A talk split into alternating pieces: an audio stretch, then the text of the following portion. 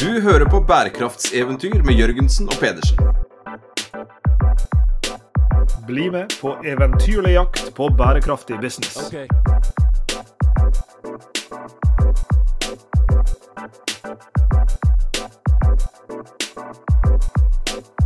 I denne episoden av Bærekraftseventyr, Sveinung, så må jeg begynne med å si at det er deilig å si høyt i denne episoden av Bærekraftseventyr, Sveinung, igjen. For det er det lenge siden jeg har sagt nå. Eh, Vi, vi har hatt en eh, jeg skal ikke kalle det en ti, ukers ferie, fordi vi er jo drevet med andre ting, men det er ti uker siden sist vi spilte inn en episode av denne podkastserien. Fordi at vi har hatt en, som våre lyttere vet, en, en ti episoders eh, varmere, våtere, villere spesial i samarbeid med denne klimafestivalen. Og nå er vi tilbake på, om ikke hesteryggen, så sitter vi i hvert fall på kontoret vårt på, eller kontoret mitt på NHH. For en serie med episoder det har vært, Lars Jakob, med, med gode gjester. Eh, takk til alle dere som har skrevet til oss og henvendt dere til oss på ulike måter i denne perioden, eh, og referert til de samtalene vi har hatt med klimaforskere og andre som, som jobber med den problematikken, enten fra et næringslivsperspektiv eller fra et juridisk perspektiv, eller alle de andre perspektivene som vi har vært innom eh, i disse episodene. Mm, Og I mellomtida så har jo vi fått eh, tenke mye på hva vi skal snakke om framover. Vi har invitert eh, mange spennende gjester som vi gleder oss til å snakke med i ukene som kommer. og Vi kan røpe at en av tingene vi skal gjøre mer av, og det er det mange av dere lytterne som har skrevet inn og, og bedt oss om, eller også bedt oss om når vi har truffet dere på eh, konferanser og flyplasser og andre steder hvor vi treffer folk, det er jo en en enda større fokus på S-en i ESG, altså den sosiale bærekraften. Så der vil det komme til å komme flere spennende episoder framover som vi gleder oss til å spille inn sammen med eh, gode kollegaer og venner der ute. Men eh, jeg skulle snart sagt nok prat, Sveinung, men det er egentlig ikke sant. fordi at i denne, i denne episoden så skal vi nettopp eh, prate om prat. Vi skal snakke om snakking. Eh, vi skal eh, Men vi, la oss dra en litt lengre intro. Det, det går ikke an å lage en lang nok intro til noe som helst, men vi befinner oss i en litt interessant kontekst akkurat nå. For vi sitter som sagt på mitt kontor på Norges handelshøyskole, og her har vi låst oss inne og satt en Post-It på, på døra om å, at folk ikke må forstyrre. Og det er det en grunn til. Fordi at korridorene her er jo smekkfulle av 1200 gjester. For vi befinner oss eh, midt under en konferanse nå. The European Accounting Association sin eh, årlige kongress. Den største eh, konferansen i NHHs eh, historie. og Da er det altså 1200 regnskapsforskere og andre folk fra regnskapsfeltet fra hele verden. 50 ulike land representert. Eh, Og Da er jo her for å snakke om regnskap, ja, men ganske mye av det handler også om en spesiell type regnskap, nemlig bærekraftsrapportering. Eh, Og Det er det jo fire store symposium som handler om her. Det er mer enn 50, om ikke 60 forskningsartikler som er sendt inn eh, til konferansen og blir presentert her fra hele verden. Så, så vi har jo sånn sett fått anledning til å dykke ned i disse dagene eh, virkelig forskningsfronten av bærekraftsrapporteringsfeltet, men også hørt hva praktikerne på feltet eh, tenker på, og bekymrer seg for og ønsker å få til om dagen. Vi er jo så heldige Lars Jakob, at vi jobber på Institutt for regnskap, revisjon og rettsvitenskap. Du-du-du-du-du. og, og, og noen blir litt sånn overrasket over at, at det er der også Center for Sustainable Business ligger. Eh, Og Vi jobber jo ikke med dette her utelukkende fra et regnskapsperspektiv. Det er jo én av interesseområdene våre. Og, og rapportering de siste årene har jo kommet kall det høyere og høyere opp på agendaen generelt i næringslivet, men også agendaen vår. Eh, Og Det var ikke mye snakk om dette her på vårt institutt for noen, noen år siden. Men, men nå er det jo noe man må prate om og finne ut av. For at det, man er nødt til å integrere bærekraft nå i, i, i eh, rapportene. Eh, og det var på en måte enklere før. Man kunne skrive på slutten at styret har en sånn og sånn kvinneandel, og vi forurenser ikke miljøet mer enn en, en virksomhet av vår art. Hva man kan forvente av en virksomhet av vår art. Men i dag, og det vi ser nå, det som utvikler seg nå, det er jo et, et, et, en helt annen verden. Og I går hadde jeg og du gleden av å avslutte en av dagene på konferansen her med å lede et såkalt symposium, en, en slags, eh, en slags sånn plenumssamling med hundrevis av mennesker som hørte på eh, et panel, ja, men, men hver av panelmedlemmene eller deltakerne som først holdt hver sin eh, presentasjon, og så en påfølgende diskusjon mellom dem og, og, og salen. Um, og disse folka var jo viktige interessenter i det som pågår nå, nemlig standardiseringa av bærekraftsrapportering internasjonalt. Så der var en representant for det såkalte International Accounting Standards Board, som skal lage bærekraftsstandarder. Der satt CEO-en i EFRAG, The European Financial Reporting Advisory Group, som er blitt bedt av EU om å, bidra til denne nye standardutviklinga. Der var en spesialrådgiver fra Norsk Hydro, en ESG-rådgiver for CFO-en, Kirsten Margrethe Hove, en av de absolutt mest erfarne bærekraftsrapportererne, eller rapportørene, eller hva substantivet nå enn blir, i dette landet. Eh, og også Harald Bransås fra Revisorforeningen, som jobber fra et revisjonsståsted med, med disse spørsmålene her. Og Så gikk jeg og du, som vi eh, ofte gjør, eh, ut av dette rommet og reflekterte og snakka videre. Og da sa du noe som ble oppspillet til denne samtalen vi har nå. Så omtrent fem minutter inn i samtalen så er det på tide å introdusere temaet. Og det er en brannfakkel, og den Tittelen, om vi skal gi eh, episoden det, det er at vi må snakke mer om bærekraft. Det er litt uh, ironisk, og, det er jo grenser for hvor mye preik vi skal tåle om bærekraft. Men vi er jo i mange diskusjoner, i mange fora, sånn som dette her, hvor vi er nå. og hører innimellom nei, nå er det nok prat nå må vi handle. Og det er vi helt enige om. Vi burde handla for 10 år siden, vi burde handla for 20 år siden. Eh, vi hadde nok kunnskap for lenge siden til eh, å handle. Eh, og de samtalene du refererer til her, Lars Jakob, om disse rammeverkene, regelverkene, samarbeidet mellom EU og disse organisasjonene, ja, det skulle selvsagt også ha skjedd for lenge siden. Og det skulle vært et standardisert opplegg som var like godt som regnskapet og regnskapsfaget. Eh, men vi må huske på at jeg har hatt flere hundre år eh, med historie og utvikling til det vi tar for gitt i dag. At man har et regnskap, at man alt det som er knyttet til det. Eh, og så må vi dessverre tåle at det tar lengre tid å lage de samme rammeverkene som, som, er, som harmonerer på tvers av, av bransjer og land innenfor bærekraftsrapportering. Men liksom, apropos brannfakkel, det vi ofte hører er sånn nei, nå må vi slutte å prate. Eh, og vi har lyst til å snu det på huet og si at ja, vi er nødt til å prate mer om det. Vi er, vi er, sånn, som, sånn, som, vi gjør nå, da. Nei, det finnes jo ikke et, et, et, et rammeverk ennå. Og det er flere konkurrerende rammeverk, eh, og det er mange problemer knytta til dem. Men hvis ikke vi prater om det og lærer av hverandre, utfordrer hverandre, eh, så kommer vi oss heller ikke eh, på utenlandsk up to speed mm. med et rammeverk som kan fungere. Og, og alle de eh, foraene vi er på og diskutere bærekraft med aktører i ulike bransjer som, som sier ja, vi har, et, vi har en utfordring. Eh, vi har flere utfordringer. Eh, og, mange av de eh, klarer vi ikke å håndtere alene. Vi sitter med klynger i ulike typer bransjer hvor folk setter seg sammen på tvers og forteller om hva de får til og, og hva som er utfordringen. Og Går du på hjemmesidene til disse virksomhetene, så vil du jo se at de forteller om sine bærekraftstiltak.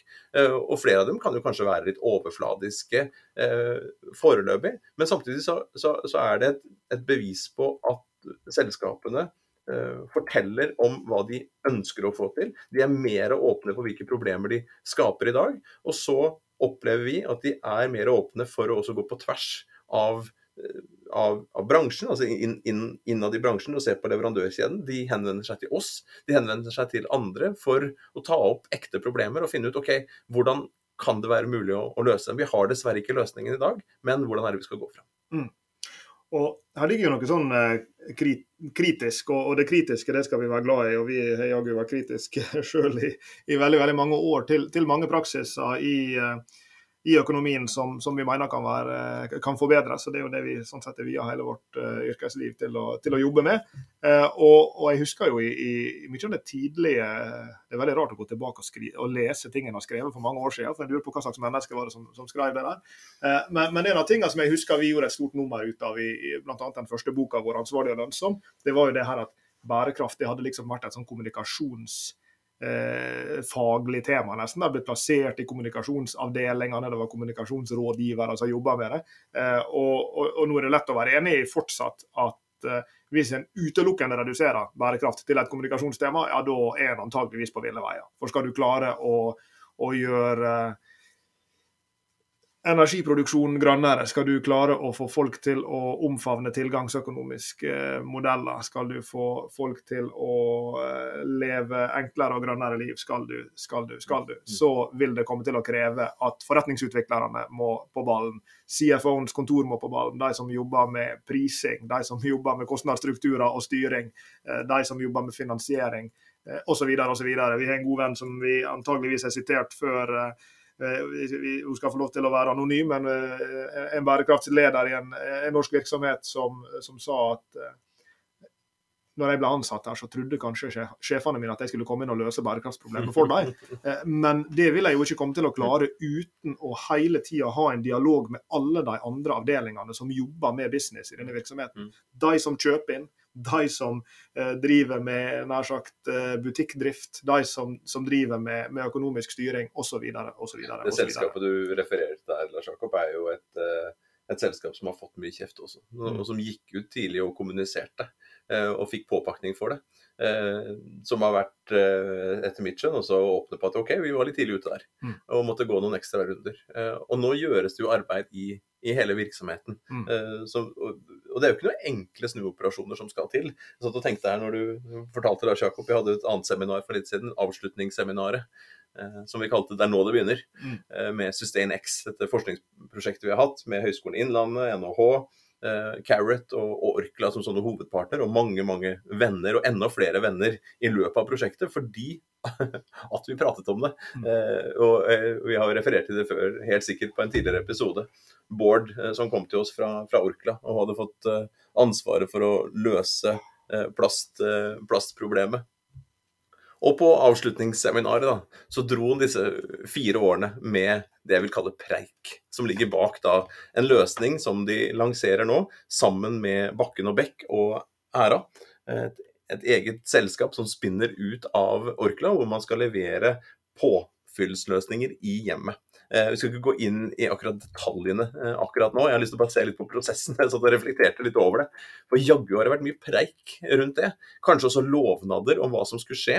Eh, tester, piloter som vi har kjørt, som har funka og ikke funka. Vi har lært mye av det. Og så har man skjønt underveis at her trengs det jo flere partnere inn. Her trengs det mer kunnskap inn. Man har fått uh, kritiske tilbakemeldinger på ulike deler av uh, prosjektet underveis. og Gått tilbake og testa og, og, funnet fram til noe som man tror på, og som til slutt blir uh, lansert. Og, og, jeg tenker liksom Så mye preik det har vært fra han tok kontakt første gangen, til vi gikk her nede i fjæra utafor NHH og, og preika om, om hva var det som er utfordringen knytta til engangsemballasje? Eh, hvordan var det forsøkt løst i dag? Kunne mer eh, resirkulert plast være løsningen over til det å begynne å tenke strømming? Strømming av såpe inn i hjemmet. Eh, løsninger knytta til smarte hjem. Hva slags type levering skulle det være hjem til folk? Hva slags type produkter? Osv. osv. osv. osv. Hvis man da ikke hadde prata om det, hva er det man gjør da når man har et problem i ekteskapet? Jo, man, man, man hekter kanskje på folk da, som man kan prate om det. Mm. Eh, og noen ganger så kan det også hjelpe kanskje å si høyt til venner og familie at ja, vi er inne i en litt sånn vanskelig periode. Eh, vi har en, en, del tiltak som vi tror på her, men eh, vi er kanskje nødt til å bo fra hverandre for en, en periode. Vi er nødt til å, å, å, å samfære hva vi har. Vi er kanskje nødt til å finne en annen måte å gjøre ting på hjemmebane på.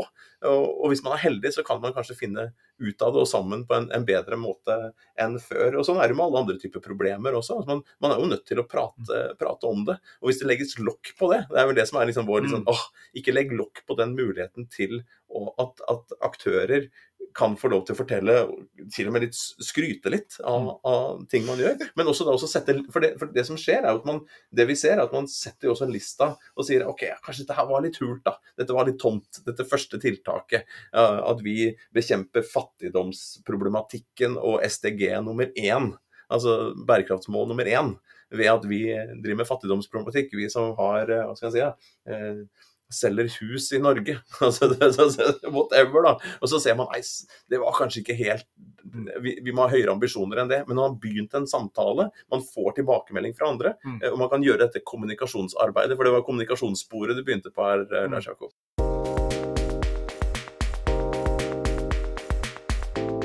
Det er jo et begrep i, eh, i ja, skal vi si faglitteraturen her da, som, som, ikke bare handler om bærekraft, men mer generelt om, om, om strategier og om business. altså det, det, som jeg kaller for interessentdialoger. Og Det ligger jo i kjernen av alt bærekraftsarbeid. at ja, Skal du klare å identifisere hvilke fotavtrykk som, som, er verdt å gjøre noe med, hvilke ambisjoner du burde ha for å løse dem, og, og hvordan du skal prioritere mellom disse, og hvilke tiltak som du sier her, som, som skal til for å løse dem, ja, da må jo du være i en veldig utstrakt dialog innomhus, som vi har vært inne på. Det å kunne snakke sammen internt i bedriften, hvordan vi skal få til det her i praksis.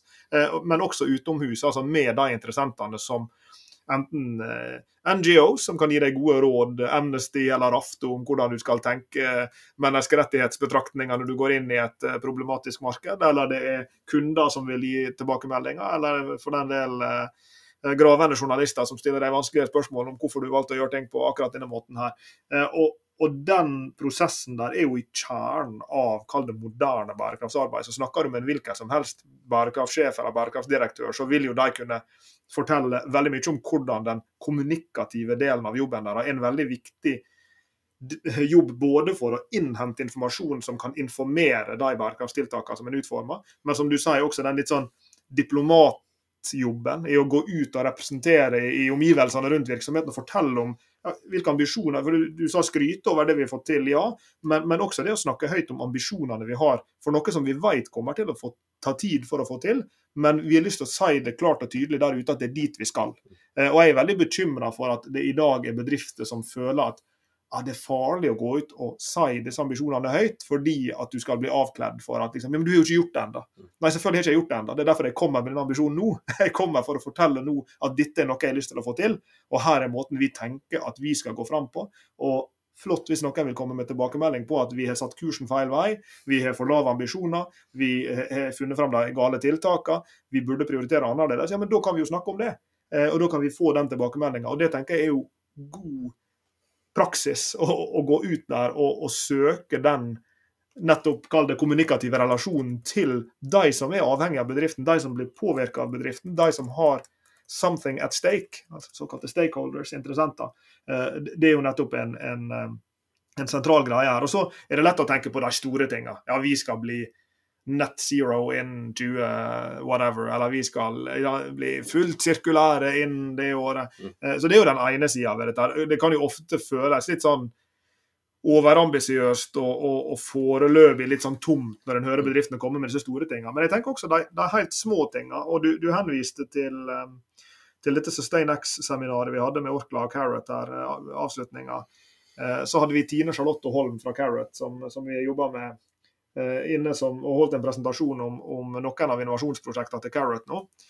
Bl.a. dette prosjektet som vi har fortalt om før i en annen episode med det restavfallsfrie kjøpesenteret, eller det avfallsfrie kjøpesenteret, hvor de gikk inn og forsøkte da å å, å få fullstendig finsortert eh, all, alle ressursstrømmer inne på et eh, bestemt eh, kjøpesenter i løpet av en tre-fire måneders eh, periode. Eh, og Da fortalte hun noe som jeg syns var så slående og, og, og, interessant. Det er en bitte liten ting, men, men det illustrerer godt poenget. At å åpne opp kommunikasjonskanalene hjelper til med å få til bærekraftsforbedringer. Og Det som dette konkret dreide seg om, var at i det øyeblikket de plutselig hadde fått inn en digital infrastruktur som fanga opp alt som ble kasta i de forskjellige eh, avfallsspanna, og, og, og, hvem som kasta det, for plutselig var det RFID-brikker og QR-koder, og plutselig kunne du vite at det var akkurat den butikken som hadde kasta akkurat den posen med plast, osv. osv. Og Den informasjonen gjorde det da mulig for deg å finne ut at det var en kafé på dette kjøpesenteret som ikke hadde matavfall i det hele tatt.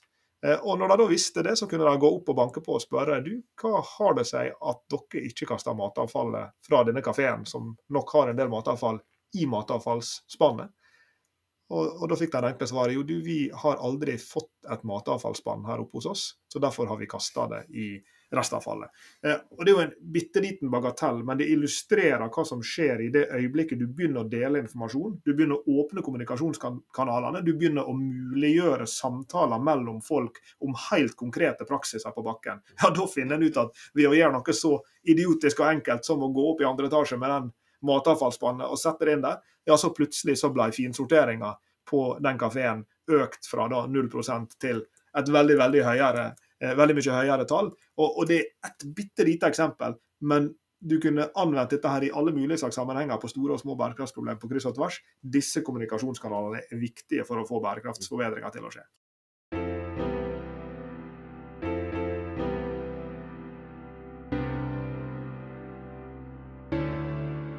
Jeg har sagt det før, jeg kan gjerne si det igjen. Eh, vår helt eh, Catherine Hayhoe klimaforskeren fra, fra USA som, at, som også har skrevet denne boken 'Saving Us' om, om klima. Og en av de taglinene som hun bruker ofte, er jo 'vi må snakke om klima'. Vi er nødt til å snakke om klima når vi spiser frokost, når vi er mhm. på, i lunsjen. Vi er nødt til å snakke om det for hennes del, da, som, som, som som kristen. Vi er nødt til å snakke om det i menigheten. Vi er nødt til å snakke om dette her. Vi er nødt til å snakke om klima. altså mm. sånn, eh, vi er nødt til å gjøre det til en del av samtalen. og Jeg, jeg tenker jo da inspirert av det over i, i, bærekraft. Vi er nødt til å snakke om bærekraft. Selv om det, noen ganger så føles det liksom blødmete, og bærekraft er liksom alt som er fint i verden. Mm. altså sånn, Alt som er godt. Uh, men, men det å sette det på eh, dagsorden. Jeg har en bok som jeg var glad i fra, jeg leste for noen år siden, som heter 'Fra prat til resultat'. Den handler om småprat i organisasjonen, hvordan man kan lede. Jeg husker ikke forfatteren i, navn, eh, i, forfatteren i, i farta, men den handler jo da om hvordan man kan lede organisasjoner gjennom småpraten.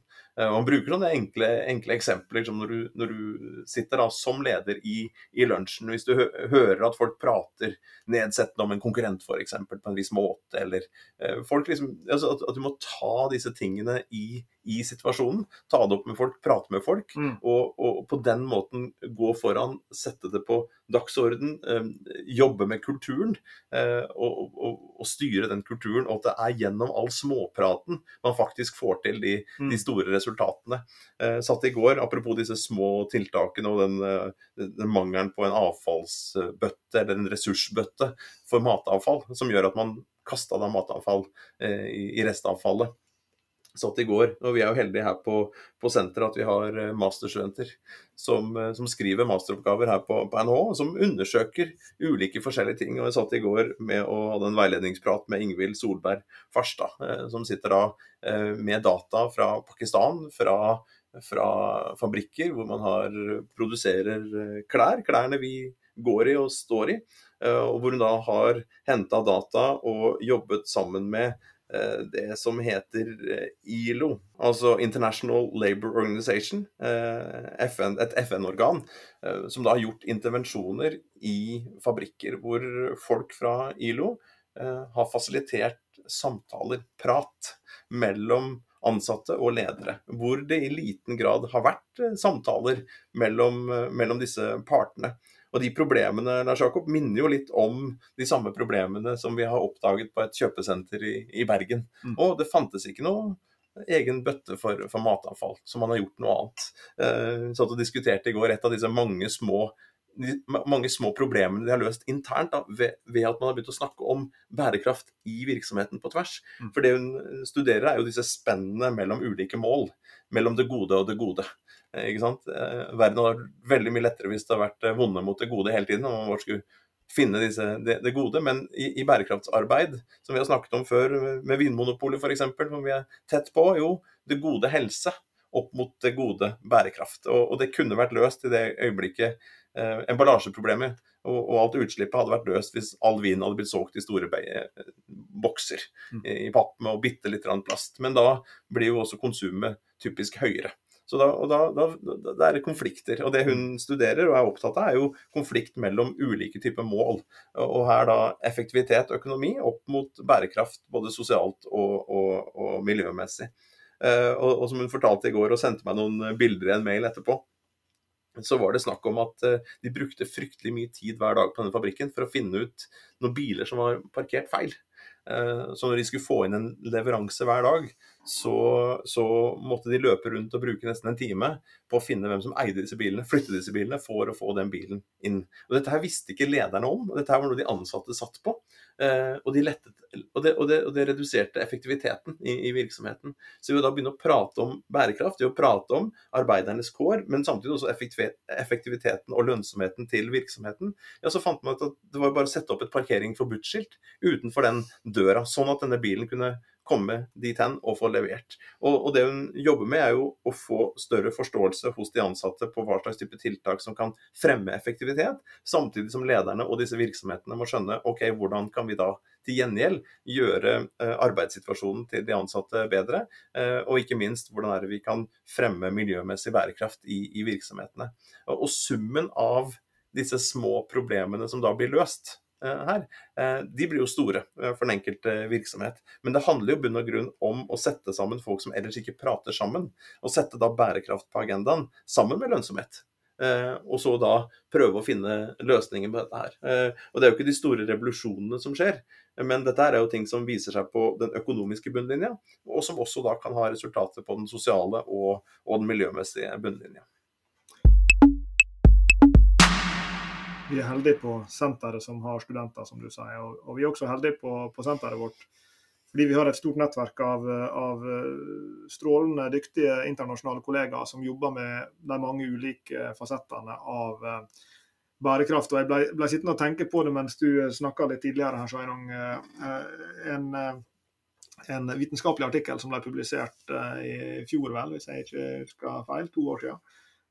Og med fare for å for å nerde her nå, da. Og da hører jeg døtrene mine si i bakgrunnen 'Pappa, du er jo en nerd'. Men, eh, men så, så, sånn er det. Eh, så, så har jeg funnet fram dette paperet som, eh, som, er skrevet av tre kollegaer av oss. Dennis Schoneborn på Copenhagen Business School, Mette Morsing, som pleide å være professor på Stockholm School of Economics, men nå leder FN sitt såkalte Prime-nettverk, Principles for Responsible Management Education, og Andrew Crane på Bath University, som mange kjenner som en av nær sagt fedrene til uh, corporate social responsibility-litteraturen. Uh, og, og, de er jo også uh, nær sagt definitivt kritiske tenkere, men, men som har også slått et slag i nyere tid for pratens rolle i, i bærekraftsforbedringene. Og De har skrevet et veldig artig paper som heter Hold pusten. Formative perspectives on the relation between CSR communication and CSR practices. Og så er det en undertittel her. Pathways for walking, talking and twalking.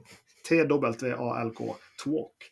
Uh, og Det er altså ikke det samme som twerking, Sveinung, hvis du uh, lurte. Det, det, kan vi ta i en annen episode. ja, jeg har tatt hele det kurset til ingen nytte. uh, men dette spiller selvfølgelig på den klassiske gamle uttrykket 'walk the talk' og, og alt det her. Og, og, Det som de tar for seg i denne artikkelen, en interessant lesning for de som er interessert, det er jo da denne liksom, konflikten mellom walking og talking som ofte blir satt opp som litt sånn motpoler. Skal, skal vi eh, som det er i tittelen her, da, skal vi være opptatt av kommunikasjonen rundt bærekraft, eller skal vi være opptatt av bærekraftspraksisene? Og så sier de at her må vi jo forbi eh, det her. Og De snakker da om, om, tre varianter av dette. De snakker om walking to talk, altså når du begynner å gjøre bærekraftsforbedringer av den ene eller andre grunn. Altså Det kan være fordi at du blir pålagt å gjøre det, det kan være fordi du inviterer andre aktører. Eh, det kan være eh, nær sagt en eller annen smarting i virksomheten som bare begynte å gjøre en bærekraftsforbedring, og så fanga bordet. Og walking the talk. Walking the talk, ikke sant? Det er jo, sånn, det er jo et eh, det er positivt lada begrep. Ja, ja. absolutt. Og, og, og, den her vil nesten være det motsatte på et vis. Altså Her er det walking to talk. Altså med andre ord, du gjør ting først, og så Jøss, dette kan vi jo egentlig begynne å prate om. For nå har vi gjort noen bærekraftsforbedringer. Vi ser at det her har funka. Kanskje skal vi gjøre mer av det. Eh, så her argumenterer det altså for en sånn første positiv samvirke, samvirke, ved at hvis du gjør ting først, og så begynner du å snakke om det, så kan det forsterke og, og gi deg, altså spise gir deg mer appetitt, og at du ender opp med å gjøre mer. Da misforsto jeg, Lars Jakob. Så det første begrepet du viser til her, er også Walking to talk. Walking to talk, altså. Jeg hørte det som 'talking the walk'. for det tenker jeg på sånn som å putte penga der hvor munnen er. Ikke sant? Ikke sant? Men, men det, du, det, du, poengterte først her, er altså ja. 'talking to walk. Nei, det er den neste. Den første er altså 'walking to talk'. Du har gjort noen ting. Du ser at folk begynner å snakke om bærekraft, og så ser du at ja, men jøss, vi har jo gjort energieffektiviseringstiltak. Vi har jo uh, gjort disse mm. ulike grepene her med likestilling. Uh, kanskje kan dette her være grobunn for en bærekraftstrategi for oss mm. down the road. Mm. La oss begynne å prate om det her. Men så er det den andre versjonen, som er det du bomma på der, da, 'talking to walk'. Og Da argumenterer disse forskerne for at ja, av og til begynner dette med kommunikasjon. Altså med andre ord, Du begynner med å snakke om ja, vi ser at vi har et problem. I Orkla har vi et plastproblem. I Coop har vi et matsvinnsproblem. I McDonald's har vi et, eh, et salt- og fettproblem. og vi skal gjøre det bedre. Eh, eh, veien altså fra å begynne å prate om noe til å kunne forbedre seg. Der tror jeg du ofte får mye av denne kritikken. Ja, men dette er jo bare prat. Det er lett for McDonald's å si at de skal kutte salt og fett eller slutte med engangsemballasje, men har de gjort noe? Ja, jeg har i hvert fall ikke sett at de har gjort noe ennå. Ja. Der er nok en sånn risikovindu der, da. At hvis ikke du da handler raskt nok og ja, Put the money where your mouth is, som Mm. du sier. Ja, da kan det komme en backlash på Mm. den der. Mm. Eh, Men så er det den her eh, siste da, som jeg syns er interessant, som de kaller for talking. Altså det å nær sagt prate og gå samtidig. Og Det er vel det vi argumenterer for, eh, tenker jeg, i denne samtalen her. Der de sier at bærekraftsforbedringer er jo i seg sjøl en form for det som jeg på fagspråket kaller kommunikativ praksis. Der er kommunikasjon i de tingene vi gjør, men samtidig for å få til å gjøre disse tingene vi gjør, så må vi snakke sammen både internt, som vi var inne på i stad, og eksternt. Mm. Vi må ut og snakke med interessentene, vi må forstå bekymringene. Vi må snakke med ekspertene, vi må forstå hvilke typer forbedringer kan funke her. Hva vil reelt sett føre til en CO2-reduksjon? På hvilke måter kan vi reelt sett eh, redusere plastavtrykket vårt uten at det går på bekostning av kvaliteten av matvarene som vi har pakka inn i plast? Mm. Vi er nødt til å lære, vi er nødt til å snakke, vi er nødt til å forstå. Eh, Og, den der ideen der om, om, om talking, da, den, den, eh, den liker jeg godt. Mm. At handling er også en form for prat. Prating er også en form for handling. Hvis man går tilbake da, til 2013-boka vår 'Ansvarlig og lønnsom' og leser om ansvarskuben, om den genuine Ja, vi snakket om sånn, det, den genuine eh, ansvarligheten, de genuine tiltakene som var indre motivert hos, eh, hos, hos bedriftene og, og lederne. da, og lederne som vel da gjerne har en motivasjon, ikke bedriften i seg selv. Det er en annen type diskusjon. Men vi, vi var veldig opptatt av det, det genuine. Det måtte komme innenfra, det måtte være ekte, disse tiltakene så har jo vi blitt litt løsere i strikken da, over disse ti årene. Og, og i større grad, og også i dag, lyst til å slå et, et slag for eh, ja, er ytterste konsekvent nesten litt sånn tom prat. Mm. Altså hvis, ja, ja, men, men, så, Ja. men, men jeg, jeg, jeg, jeg, jeg tar oss ut på glattisen her. Og vi, det er jo der vi har lyst til å være. Altså sånn at et, et oljeselskap, da, sånn som vi så i siste uke, norsk oljeselskap, som sier at vi skal være, siste, vi skal være det siste oljeselskapet. Eh, og det, det gjør litt vondt ikke sant, når vi hører liksom eh, oljeselskapene som skal jobbe for bærekraft, og som argumenterer for at de har den, den reneste oljen, altså fordi at den blir produsert rein, samtidig som vi vet at den stort sett blir brent. ikke sant? Og det har et, Hos kunden da, så har det et veldig veldig stort eh, klimautslipp, selv om den i produksjonsleddet har blitt eh, produsert eh, rent. Og det, det gjør litt vondt samtidig, når disse selskapene som dette her, da, bare for å ta en sånn et av de som, de som er lettest å ta på et vis, altså et oljeselskap, når de går ut og begynner å prate på denne måten om hvor rent det skal være internt, men også hvordan de da skal gjøre en endring i mer fornybar retning. Ja, så kan det være en form for tolk, da.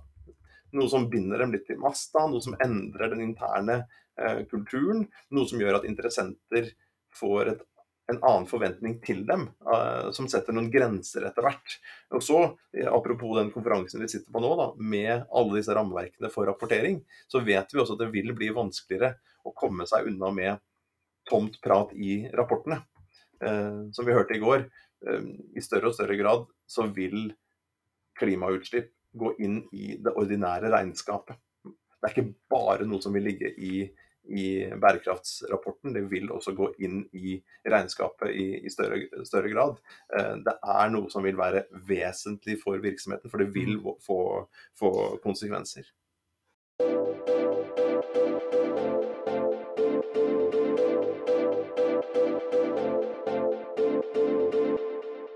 Og, og der eh, ga du en liten eh, bro over til eh, ett tema. Jeg, har to tema til det jeg mener vi må dekke her. Og det er to sentrale tema for meg og deg. Det første det er vesentlighet og vesentlighetsanalyse, som du har bygd en fin bro over til.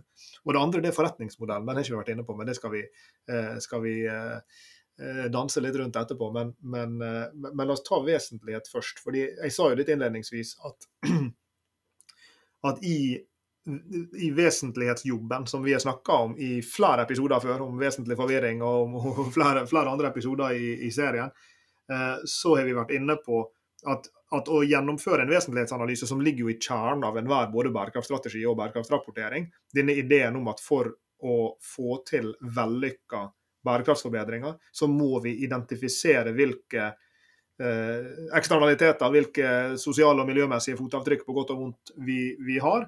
Eh, og så må vi prioritere mellom dem.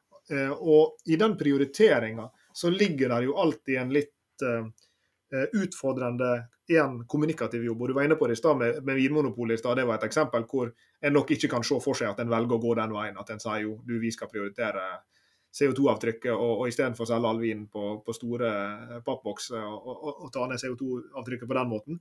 Men ofte så ser du at virksomheter gjør den typen avveininger, og så må de argumentere for dem. Og, og Vinmonopolet gjorde jo faktisk nettopp det når de i en tid hvor Eh, alle skulle vekk fra plast, så begynte Vinmonopolet å si at nå skal vi faktisk over på plast. Mm. For vi tror på at disse vinflaskene på plast vil komme tilbake igjen i Tomra-automatene våre, og vi får dem inn igjen i, i loopen. Eh, og, og, da prioriterer vi CO2-reduksjon over risikoen for at disse plastflaskene kan komme til å havne i havet. Det er jo det som implisitt blir, blir sagt. Dette er min bare fortolkning. Og det samme for å holde oss til alkohol. Eh, her i byen, når Hansa Bryggerier i sin tid gjorde det samme grepet, eh, eh, og gikk da fra pappemballasjen de hadde rundt ølet før, til plastemballasje. Nå er det vel en kombinasjon, tror jeg, avhengig av hvilken størrelse øl du kjøper.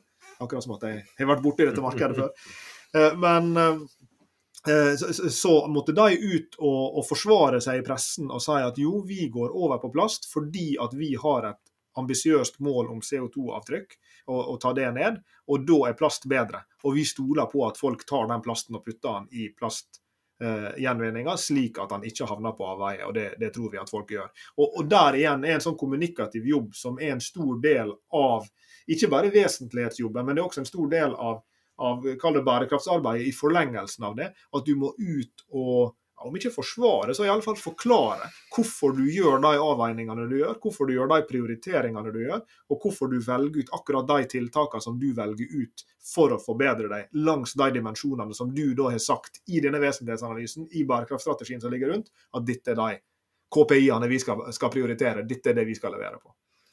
Jeg har ikke tall på hvor mange triste øyne vi har fått retta mot oss, Lars Jakob, når folk fra ulike bransjer har spurt oss liksom, ja, men hva bør vi velge, da? Bør vi velge glass eller plast?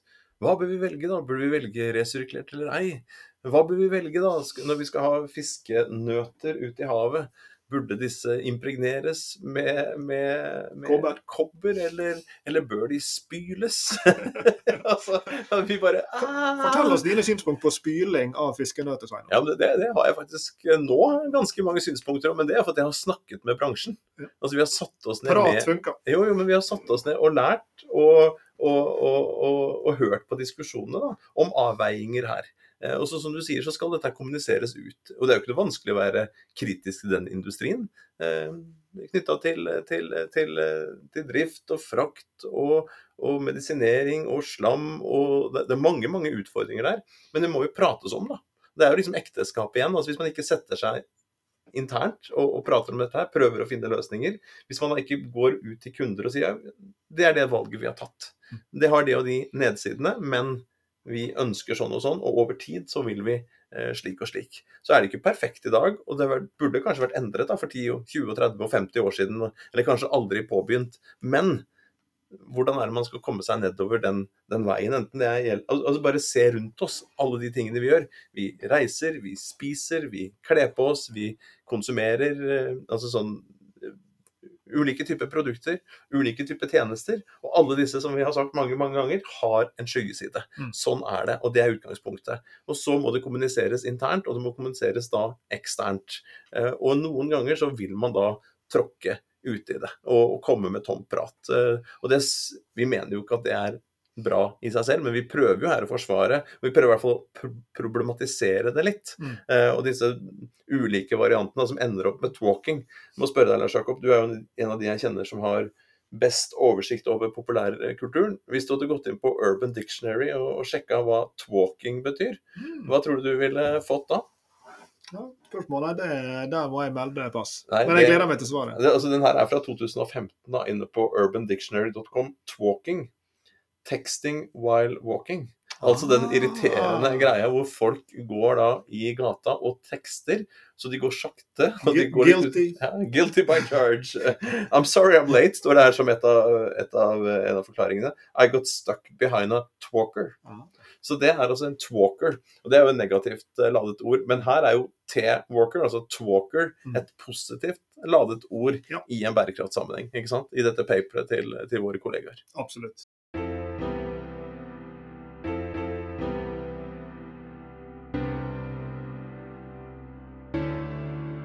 Vi får gi uh, Andy Crane og kompani noen år på å etablere seg i Urban Dictionary. Dette var publisert i 2020, så vi vet jo at vitenskapelige artikler tar noen år før de, før de setter seg i, uh, i, i folke, folkesjela.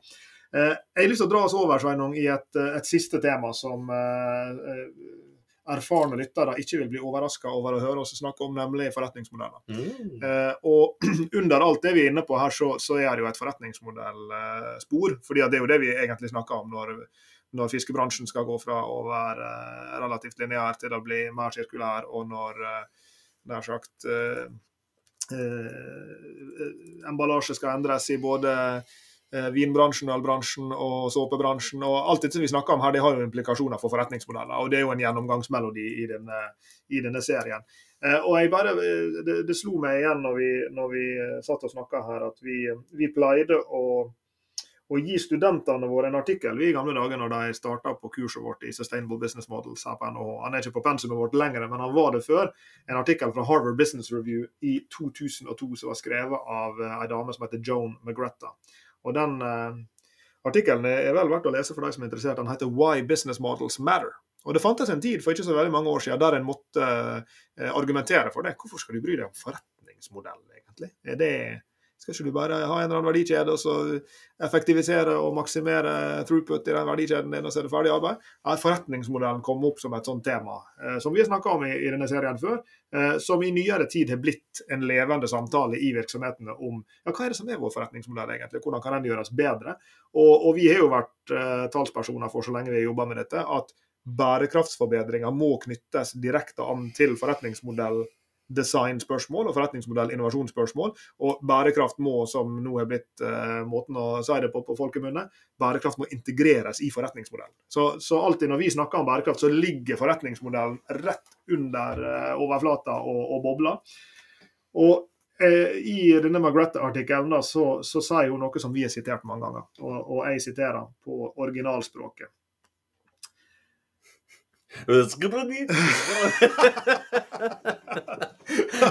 Takk og lov at John McGretta ikke er så italiensk som hun høres ut uh, som. Uh, men da sier hun Business models are anything but arcane. They are at heart stories. Stories that explain how enterprises work.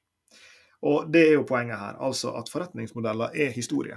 Uh, og god forretningsmodelljobbing er god storytelling. Og, og, bare det å skulle bryte ned en stor, kompleks virksomhet i en eller flere forretningsmodeller på dette overforenkla formen hvordan skaper, leverer og kaprer du verdi av de eh, forretningsmulighetene du har rundt deg. Det er jo i seg sjøl så overforenklende at du kan jo mm. nesten bli sprø. Men det, i det ligger jo nettopp at jo, du må klare å fortelle den historien som fanger de folka internt som skal være med å dra i den retninga. Altså, det er en ledelsesmessig side ved det.